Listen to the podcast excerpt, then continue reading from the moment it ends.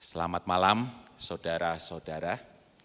Uh, Pertama-tama saya ingin mengucapkan terima kasih sudah diundang dalam KTA ke-13 ini dan diberi kepercayaan untuk menyampaikan firman Tuhan. Apalagi tadi Pak Sagala menyampaikan apa yang biasanya merupakan bagian beliau, KKR, diserahkan juga ke saya. Bagi saya itu semua adalah kehormatan yang sangat besar dan untuk itu saya berterima kasih. Mari kita berdoa, kita mohon pertolongan Tuhan agar firman-Nya menyentuh hati kita dan mengubah kehidupan kita. Bapa di surga, seperti pujian yang baru saja kami nyanyikan, hanya Engkau yang mengenal hati kami. Karena itu kami mohon, Roh Kudus bekerja di hati kami, masing-masing kami, untuk menuntun kami, bukan saja dapat mengerti firman-Mu, tapi boleh merasakan hatimu, sehingga selanjutnya kami mengerjakan apa yang menjadi kehendak-Mu.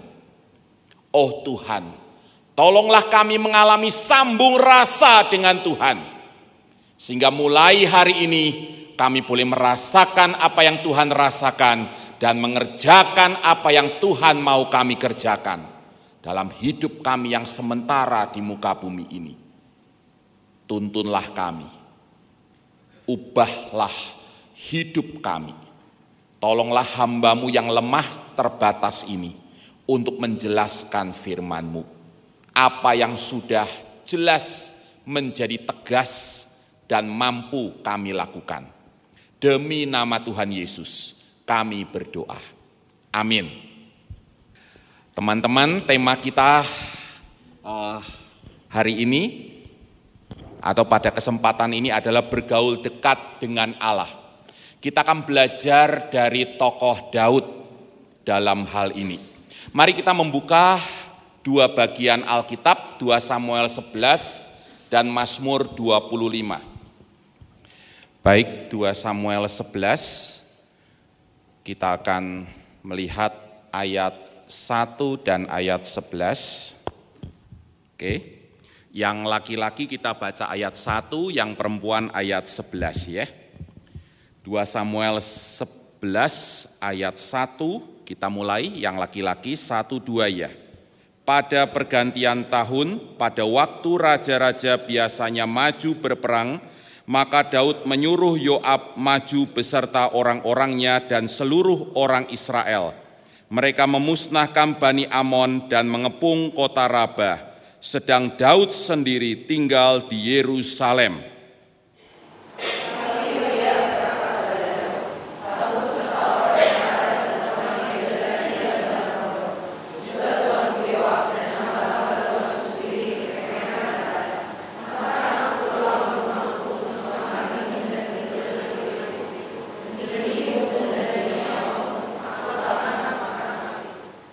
Baik, selanjutnya kita akan membuka Mazmur 25 ayat 14. Mazmur 25 ayat 14. Kita baca sama-sama. Satu dua ya. Tuhan bergaul tarik dengan orang yang takut akan dia dan perjanjiannya diberitahukannya kepada mereka. Demikian firman Tuhan. Saudara-saudara, dalam Alkitab tidak ada satupun pernyataan eksplisit bahwa Daud bergaul dekat dengan Allah. Tidak ada. Satu kalimat pun tidak ada yang menyatakan secara eksplisit bahwa Daud bergaul dekat dengan Allah. Namun ada satu ayat yang diyakini berasal dari Daud, disebut Mazmur Daud, yang bicara juga soal bergaul karib dengan Tuhan. Itu Mazmur yang terakhir tadi kita baca. Mazmur 25 ayat 14. Tuhan bergaul karib dengan orang yang takut akan dia. Dan perjanjiannya diberitahukannya kepada mereka. Namun coba kita perhatikan baik-baik ayat ini. Mazmur 25 ayat 14. Subjeknya bukan manusia, bukan Daud, melainkan Tuhan. Tuhan bergaul karib dengan orang yang takut akan dia. Mengapa subjeknya Tuhan, bukan manusia? Tampaknya pemazmur dalam hal ini Daud ingin menyatakan bahwa Tuhanlah yang terutama ingin bergaul dekat dengan manusia, bukan sebaliknya. Kecondongan hati manusia adalah mengabaikan Tuhan. Tapi hati Tuhan selalu ingin merangkul manusia dan itulah Injil keselamatan. Dalam hal ini contohnya adalah Daud sendiri. Kalau akhirnya Daud bisa bergaul dekat dengan Tuhan, itu karena Tuhan yang berinisiatif untuk merangkul dia. Daud sendiri bukan orang yang baik adanya, punya banyak kekurangan. Alkitab mengajak kita belajar bukan dari orang-orang yang sempurna, tapi orang-orang yang punya banyak kekurangan namun dirangkul oleh Tuhan menjadi orang-orang yang dipakai Tuhan untuk mengerjakan hal-hal yang indah. Kita sudah sering mendengar kisah cinta terlarang Daud dan Bathsheba. Karena itu saya tidak akan mengulasnya secara utuh, tapi saya ingin pada kesempatan ini mengangkat dua aspek berikut pelajarannya bagi kita. Yang pertama adalah aspek akibat dari perbuatan terlarang itu.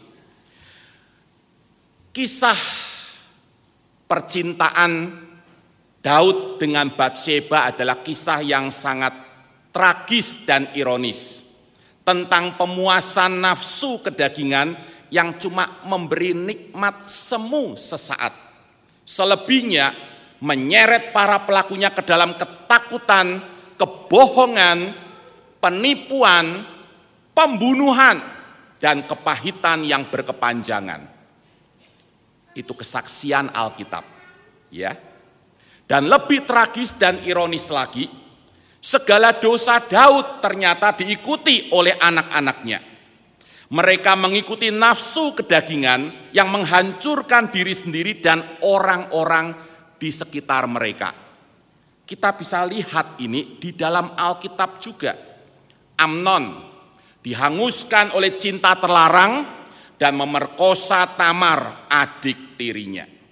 Absalom kakak Tamar membunuh Amnon lalu merebut tahta ayahnya dan memerkosa gundik-gundiknya. Akhirnya Daud sendiri harus terlibat dalam peperangan berdarah yang menewaskan darah dagingnya, anaknya sendiri. Tidak cukup sampai di situ, kita bisa melihat lebih jauh setelah Daud mati, Salomo putra Daud dari Batsheba, pewaris tahta Daud, akhirnya menyembah berhala karena cinta terlarang. Hatinya melekat, terpaut atau terikat pada banyak perempuan asing. Puji Tuhan ya, Pak Joni diberi, diberi Tuhan kekuatan untuk menghadapi banyak perempuan asing. ya. Dosa berefek bola salju, selalu membuahkan dan menularkan dosa. Yang paling banyak dicobai dalam kehidupan bergereja siapa? Pendeta yang paling banyak dicobai.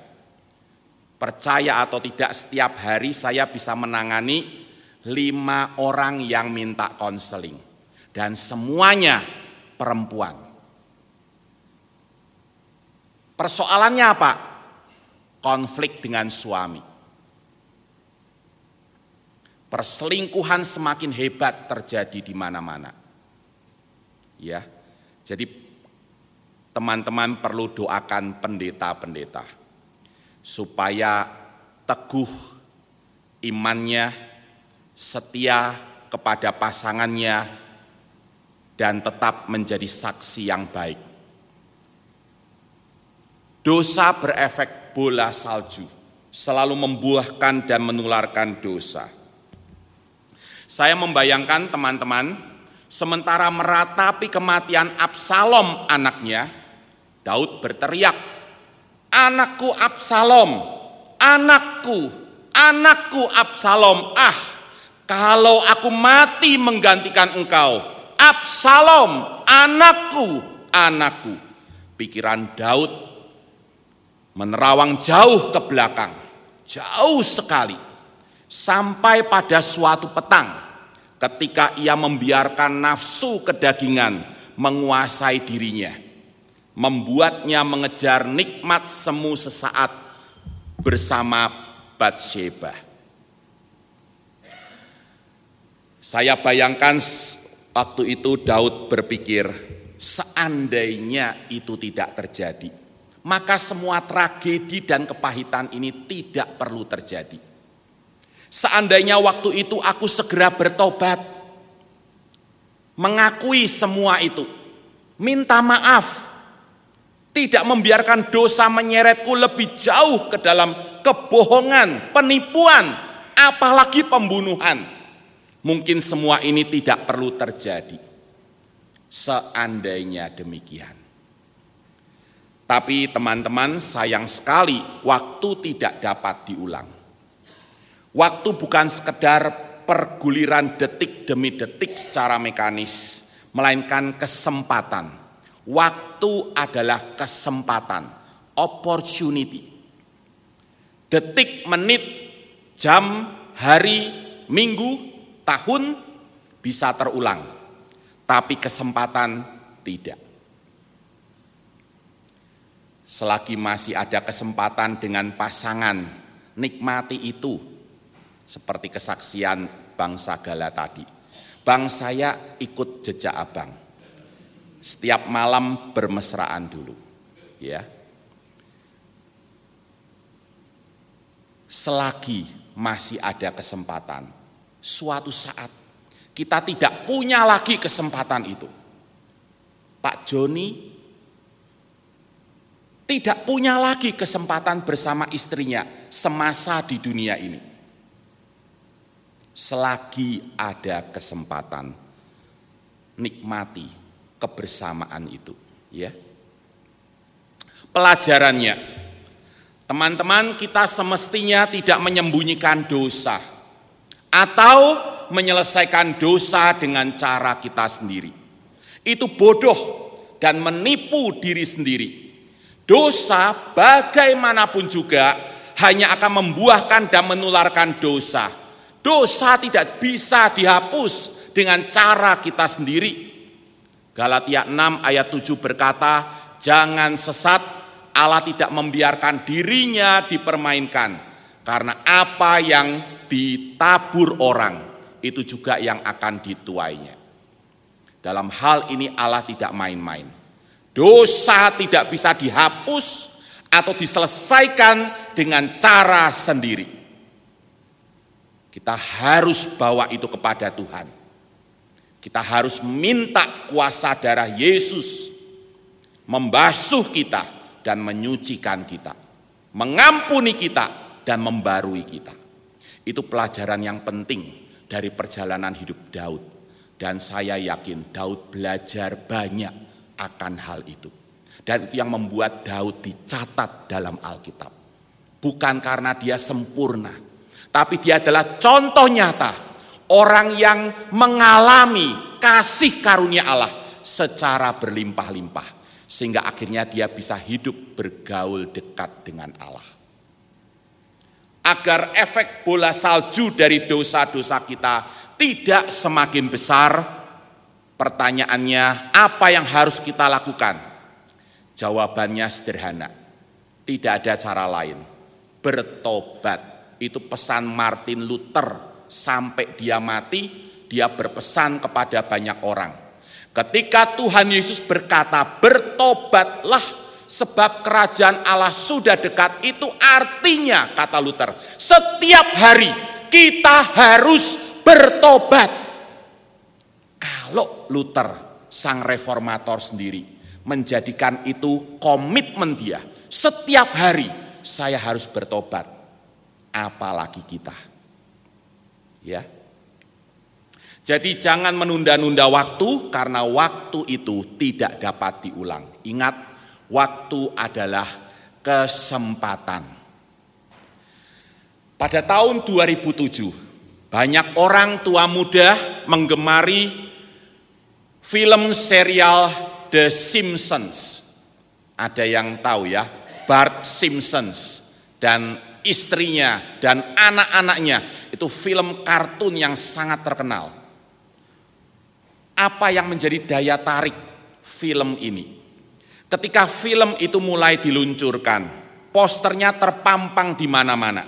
Di bawah gambar keluarga Simpsons tertulis kata-kata, see our family and feel better about yours. Artinya, lihatlah keluarga kami, maka perasaanmu tentang keluargamu akan lebih baik. Itu daya tarik The Simpsons. Ketika melihat segala kekonyolan, kebodohan, dan kemalangan keluarga itu, kita akan merasa lebih baik tentang keluarga kita we can feel better about our family. Ketika dibandingkan dengan keluarga Simpsons dengan segala kekonyolan, uh, kebodohan dan kemalangan mereka. Kita bisa berkata bagaimanapun keluargaku tidak seburuk mereka. Jadi film itu membuat banyak keluarga merasa it's okay with our family. Kami tidak seburuk tayangan itu. Ya, itu daya tariknya film ini. Luar biasa. Sangat digemari oleh banyak keluarga. Tapi teman-teman, kita alumni perkantas. Hati kita sudah diasah untuk mengasihi Tuhan dan sesama manusia. Karena itu saya yakin Tak seorang pun di antara kita ingin keluarga kita membuat orang lain yang melihatnya merasa lebih baik tentang keluarga mereka. Amin. Kita ingin orang lain yang melihat keluarga kita berkata, "That's a Christian family and we want to be just like them." Bukan ketika melihat keluarga kita, untung keluargaku tidak seperti keluarganya Pak Erik. Untung keluargaku tidak seperti keluarganya Bang Alex. Tidak.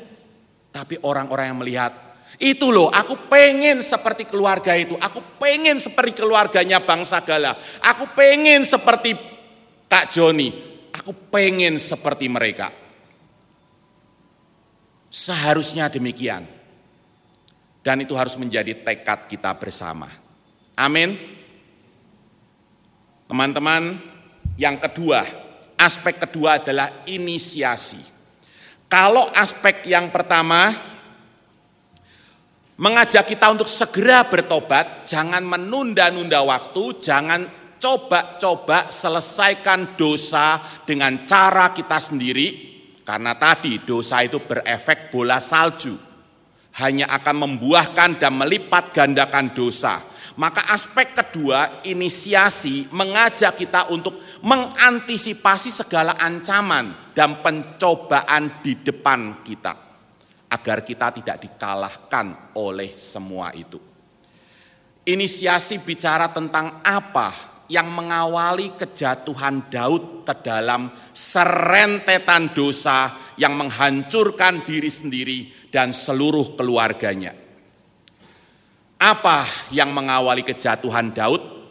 Tertulis dalam 2 Samuel 11 ayat 1, pada pergantian tahun, pada waktu raja-raja biasanya maju berperang, maka Daud menyuruh Yoab maju beserta orang-orangnya dan seluruh orang Israel.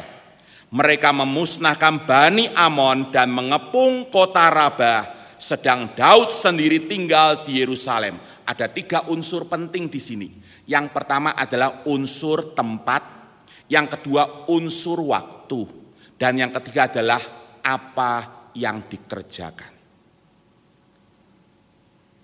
Tempat, waktu, dan apa yang dikerjakan. Artinya, pada saat itu, waktu, Daud tidak berada di tempat semestinya dan tidak melakukan apa yang semestinya dilakukan sebagai seorang Israel dan raja. Sementara para pengikut setianya dan saudara-saudara sebangsanya berperang, dia justru tinggal di dalam istananya. Ini ada masalah di sini. Masalah waktu, masalah tempat, dan masalah apa yang semestinya dikerjakan. Mengapa Daud memilih demikian? Tidak dinyatakan secara eksplisit alasan Daud tinggal di Yerusalem. Tidak ikut berperang bersama bangsanya. Namun perhatikan, jika perbuatan Daud itu memilih tinggal di Yerusalem di dalam istananya dibandingkan dengan ucapan Uria suami sah dari Batsheba kita dapat memastikan bahwa alasan Daud tinggal di Yerusalem berorientasi pada diri sendiri dan kesenangannya belaka. Kita lihat, demi menutupi skandal seksualnya dengan Batsheba, Daud menyuruh Uria pulang dari medan perang. Kita tahu semua cerita ini ya. Berpura-pura menanyakan keadaan Yoab dan pasukannya, bagaimana keadaan mereka. Lalu menyuruh Uria pulang ke rumahnya agar bersetubuh dengan istrinya. Tujuannya supaya anak yang dikandung Batseba hasil hubungan gelapnya dengan Daud dianggap hasil hubungan Uria dengan Batseba malam itu. Keji sekali. Tapi Uria tidak mau. Ia memilih tidur di serambi istana bersama saudara-saudara seperjuangannya. Bahkan kendati Daud sempat membuatnya mabuk, ia tetap bersikeras tidak mau pulang ke rumah dan tidur dengan istrinya. Mengapa? katanya kepada Daud, tabut serta orang Israel dan orang Yehuda diam dalam pondok. Kembali masalah tempat. Juga tuanku Yoab dan hamba-hamba tuanku sendiri berkemah di padang. Masalah tempat. Masakan. Aku pulang ke rumahku untuk makan dan minum dan tidur dengan istriku demi hidupmu dan demi nyawamu. Aku takkan melakukan itu. Bagi saya ini ini kalimat yang super berani. Disampaikan oleh seorang bawahan kepada atasannya yang notabene adalah raja. Kalimat yang super berani. Dan itu menunjukkan kualitas Uria. Kata kuncinya adalah tabut Tabut serta orang Israel dan orang Yehuda diam di pondok. Masakkan aku pulang ke rumahku untuk makan dan minum dan tidur dengan istriku. Tabut ada di sana. Masakan aku ada di sini.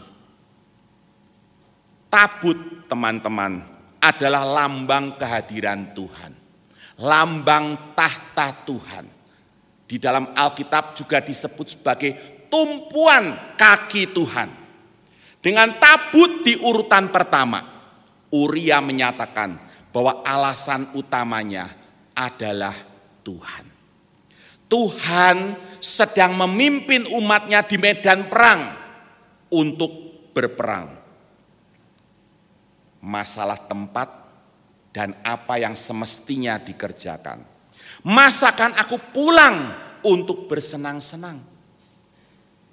Kalau di negeri ini kita sedang menghadapi apa suatu persoalan yang serius. Tetapi orang Kristen santai-santai saja ketika ditanya, kamu mendoakan tidak masalah ini? Tidak. Kamu ingin melakukan sesuatu tidak untuk mengatasi masalah ini? Tidak. Yang penting aku tidak terkait dengan itu. Maka mungkin kita harus membuka kembali lembar-lembar kitab suci dan menangkap pesan Tuhan di sana. Teman-teman, ini prinsip Uria. Aku ikut Tuhan, bukan Tuhan ikut aku.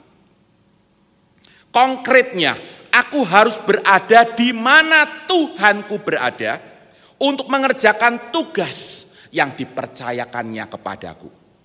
Apa pun resikonya. Orientasi Uria adalah Tuhan dan kehendaknya. Jelas ya? Sebaliknya, orientasi Daud adalah diri sendiri dan kesenangannya. Ini prinsip Daud. Tuhan ikut aku. Bukan aku ikut Tuhan. Tuhan harus berada di mana aku berada untuk melakukan apa yang ku minta kepadanya.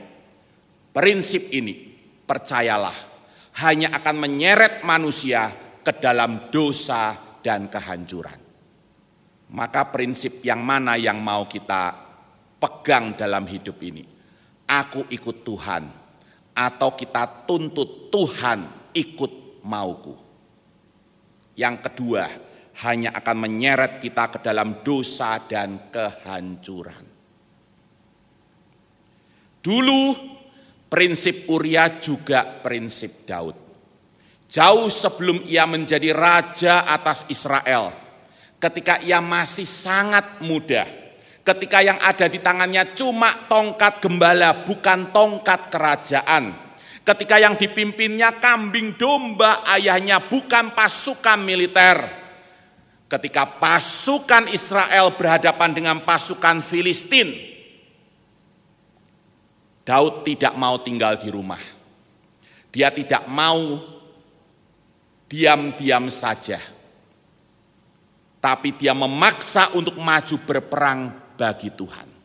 Dihadapinya raksasa itu sendirian. Bukan dengan senjata yang canggih dan muktakhir. Tapi dengan senjata yang sangat sederhana. Yang biasa dia pakai untuk mengusir beruang. Dan serigala. Dan singa dan dia menang. Karena apa? Daud berkata, Tuhan di pihak kami. Ya, itu Daud yang dulu. Di manakah Daud yang dulu? Apa yang terjadi atas orang muda yang imannya telah menjawab tantangan Goliat dengan berani karena sang raksasa telah menghina nama Tuhannya. Daud tidak terima itu. Apa yang terjadi atas sang raja yang berperang bersama umat Allah dengan kekuatan dari Tuhan. Masih ingat kisah lembah Refaim? Raf itu artinya besar, raksasa. Refaim itu artinya raksasa-raksasa. Lembah Refaim itu lembah raksasa-raksasa. Dan di sana pasukan Daud terkepung oleh raksasa-raksasa. Bukan cuma satu Goliat, ratusan Goliat siap melumat habiskan mereka. Tapi Daud ketika itu berkata, Tuhan ada di pihak kita. Maka muncul istilah Allah sang penerobos. Dengan kekuatan dari Tuhan, mereka menaklukkan lembah Refaim.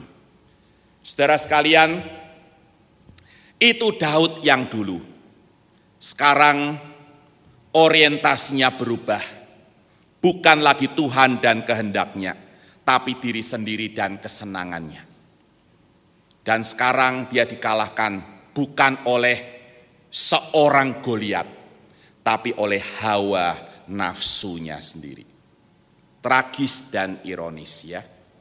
Pelajarannya, jika orientasi seorang Daud bisa berubah, maka orientasi siapa pun di antara kita juga bisa berubah, termasuk saya. Dari Tuhan dan kehendaknya, orientasi kita bisa berubah menjadi diri sendiri dan kesenangan kita. Nah, ciri orang yang telah berubah orientasinya itu ini. Dia tidak lagi berada di tempat yang semestinya, melakukan apa yang semestinya dilakukan sebagai anak dan hamba Tuhan pada waktu yang semestinya. Tempat, waktu, dan apa yang dikerjakan. Ketiganya ini harus berkorelasi. Mungkin tempatnya baik di gereja, tapi apa yang dilakukan Tahun yang lalu CCTV kami merekam pukul satu siang. Waktunya juga tidak masalah ya. Tempatnya di mana? Lantai empat gedung gereja yang notabene adalah Taman Getsemani. Tempat itu buka 24 jam untuk umat berdoa. Jadi taman di lantai empat khusus untuk berdoa. CCTV kami merekam dua anak remaja bercumburia. Tempat baik, waktu juga tidak masalah, tapi apa yang dikerjakan? Dosa. Tempat, waktu, dan apa yang dikerjakan. Mungkin hari Minggu kita berbakti di gereja, tempat baik, waktu baik, tapi di gereja bukannya dengerin khotbah, ngegosip. Ada masalah di sini. Ciri orang yang telah berubah orientasinya bukannya dia tidak lagi ke gereja. Bukan dia tidak ikut lagi acara-acara persekutuan. Mungkin dia tetap ikut camp tahunan alumni. Tempatnya baik, waktunya baik, tapi apa yang ada di hati, pikiran, dan yang dia kerjakan. Karena itu saya berharap camp tahunan alumni menjadi saat kita bertobat, diperbarui, dan kembali melekatkan diri pada Tuhan. Karena Tuhan tidak pernah jauh dari kita. Amin. Tuhan tidak pernah jauh. Ingat, Tuhan itu bergaul karib kata Daud. Dia itu pengen merangkul kita. Selalu dia pengen merangkul kita. Kitanya saja ini yang suka mengabaikan dia. Karena itu teman-teman, saya rasa alumni perkantas harus mengejar kualitas ini. Saya menyebutnya sejati. Apa itu sejati? Sejak Ibu Dorothy Irene Marx wafat dan saya menyesal tidak bisa hadir karena banyak sekali tugas yang harus saya lakukan. Saya bertekad untuk melanjutkan semangatnya memberitakan firman Tuhan dengan singkatan-singkatan. Sejati itu singkatan. Apa? Selalu jaga hati. Kalau kita bilang, saya ingin sehati dengan Tuhan. Itu berarti kita bertekad, saya akan selalu menjaga hati saya supaya hati saya selaras dengan hati Tuhan. Sehati. Kalau suami istri sehati, kedip mata saja sudah tahu apa maksudnya. Ya. Kembali kepada Mazmur 25 ayat 14. Tuhan bergaul karib dengan orang yang takut akan dia. Dan perjanjiannya diberitahukannya kepada mereka. Saya ingin coba kupas apa arti takut akan Tuhan. Bahasa Ibrania adalah Yir'e Yahweh. Dan saya merasa jawabannya ada dalam Mazmur 130 ayat 3 sampai 4. Mazmur 130 ayat 3 sampai 4 berbunyi demikian. Jika engkau ya Tuhan, perhatikan nih kalimat demi kalimat ya. Jika engkau ya Tuhan mengingat-ingat kesalahan-kesalahan Tuhan, siapakah yang dapat tahan? Tetapi padamu ada pengampunan, supaya engkau ditakuti orang. Perhatikan kalimat terakhir ini. Pada Tuhan ada pengampunan supaya dia ditakuti orang. Dengan kata lain, Mazmur ini mau menyatakan bahwa manusia selayaknya takut akan Tuhan bukan karena Tuhan mengetahui segala kesalahannya dan berkuasa menghukumnya. Oh ya, Tuhan seperti itu. Tuhan mengetahui segala kesalahan kita dan Tuhan berkuasa menghukum kita. Ya, tapi manusia selayaknya takut akan Tuhan bukan karena itu. Melainkan karena Tuhan mengasihinya dan mau mengampuni segala kesalahannya. Ini dalil yang tidak umum, betul enggak? Kalau kita takut kepada seseorang, pasti ada sebabnya. Ada pada diri orang itu unsur tertentu yang menakutkan. Karena dia tahu rahasia saya. Saya nggak mau macem-macem lah sama dia. Nanti rahasia saya disampaikan sampai ke ujung bumi. Atau karena dia punya kuasa atas saya. Saya tidak mau macem-macem sama dia, nanti dia pecat saya dan seterusnya. Ada unsur yang menakutkan. Itu dalil umum. Ini tidak umum. Manusia takut akan Tuhan bukan karena dia menakutkan, tapi karena dia maha pengampun dan penyayang. Teman-teman, menurut saya kata kuncinya adalah takut. Makna kata Ibrani yare lebih dalam ketimbang takut, hormat, atau takwa. Takwa itu artinya taat, ya. Padanannya menurut banyak sarjana cuma ada di dalam bahasa Jawa. Ada orang Jawa di sini? Orang Jawa? Ada? Ya. Punya Alkitab bahasa Jawa? Ada ya, nanti dicek Mazmur 130 ayat 3 dan 4. Di dalam Alkitab bahasa Jawa, takut di sana diterjemahkan ajrih asih. Ajrih itu artinya takut, asih itu mengasihi. Ajrih asih berarti takut bukan karena takut dihukum, tapi karena mengasihi. Bukan karena takut dihukum, tapi karena mengasihi. Putra kami yang ketiga, anak ketiga ya putra cuma satu ya dia itu. Krista, Kristi, Christopher, Tata, Titi, Toto. Toto kelas 2, eh, kelas 1 SMP sekarang. Tidak seperti kedua kakaknya, Toto ini sering tidak nurut.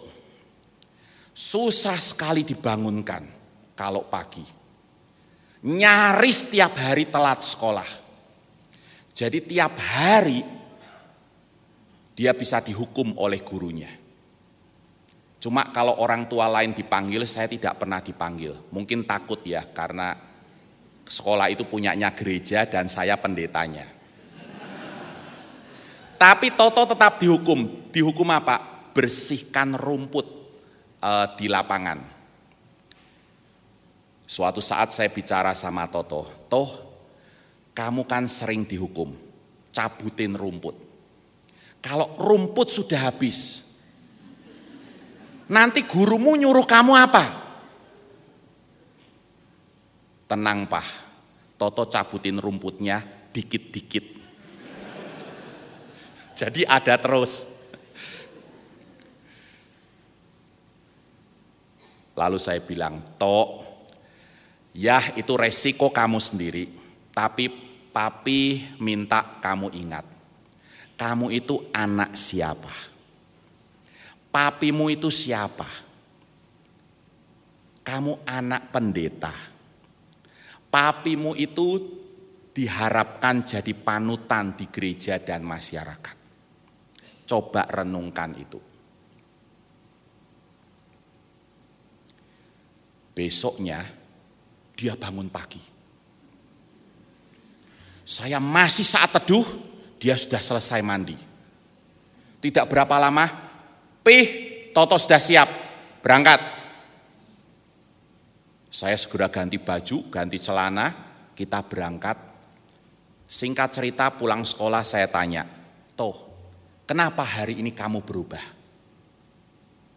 Kamu takut ya sama papi?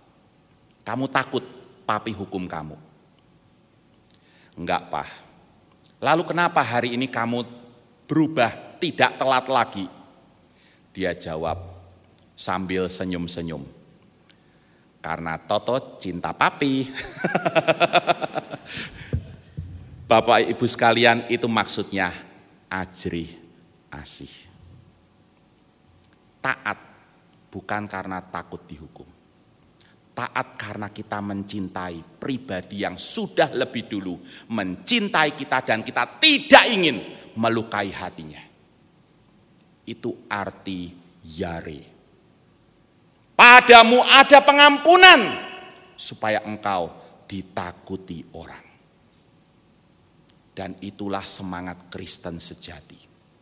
Bukan karena takut masuk neraka, tapi karena takut melukai hati Tuhan yang sudah mati buat kita.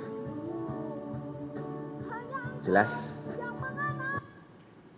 Allah selayaknya diajrih asihi, ditakuti karena dikasihi oleh manusia, karena dia senantiasa mengasihi mereka.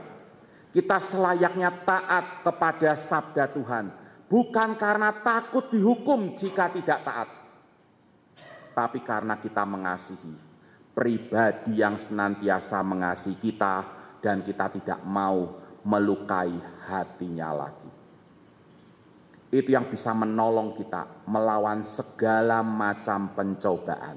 Termasuk tadi kalau Kak Joni bicara, Bang Joni bicara tentang pornografi, ya, free sex, apa yang bisa membuat seorang Kristen menang menghadapi semua pencobaan itu?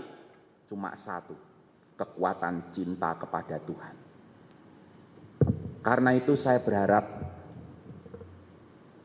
mulai hari ini setiap hari kita selalu memeriksa diri, ingat tiga unsur tadi, tempat, waktu, dan apa yang kita kerjakan. Apakah tempatnya baik, waktunya baik, dan apa yang kita lakukan baik. Orang yang berorientasi pada Tuhan dan kehendaknya ada di tempat yang semestinya, pada waktu yang semestinya, dan mengerjakan apa yang semestinya. Kiranya firman Tuhan ini menolong kita untuk selalu jaga hati. Hidup bergaul dekat dengan Tuhan. Amin. Mari kita berdoa. Terima kasih Tuhan untuk firman-Mu. Tolong kami merenungkannya siang malam, menjadikan firman itu pandu hidup kami, dasar hidup kami. Tolong kami mencintaimu lebih dari segalanya, karena engkau senantiasa mencintai kami. Engkau ingin bergaul karib dengan kami. Engkau ingin membangun ikatan cinta dengan kami Tuhan ampuni kami, jikalau selama ini kami sering kali mengabaikanmu. Kami hanya ingat akan dikau, ketika segala cara untuk mengatasi masalah-masalah kami telah kami tempuh dan ujungnya sia-sia. Baru kami ingat akan Tuhan. Kami sering kali berada di tempat yang salah, pada waktu yang salah, bahkan melakukan apa yang salah, atau mungkin tempatnya baik, waktunya juga tidak masalah, tapi kami tetap menjauh darimu. Oh Tuhan, tolonglah kami mulai hari ini melekat pada Tuhan, pada firman-Mu, menyelami cintamu kepada kami, sehingga kami pun dikuasai oleh cinta kami kepadamu. Sehingga kami boleh berada di tempat yang semestinya, pada waktu yang semestinya, dan mengerjakan apa yang semestinya kami lakukan sebagai anak dan hamba Tuhan. Terima kasih untuk firman-Mu. Demi nama Tuhan Yesus kami berdoa. Amin.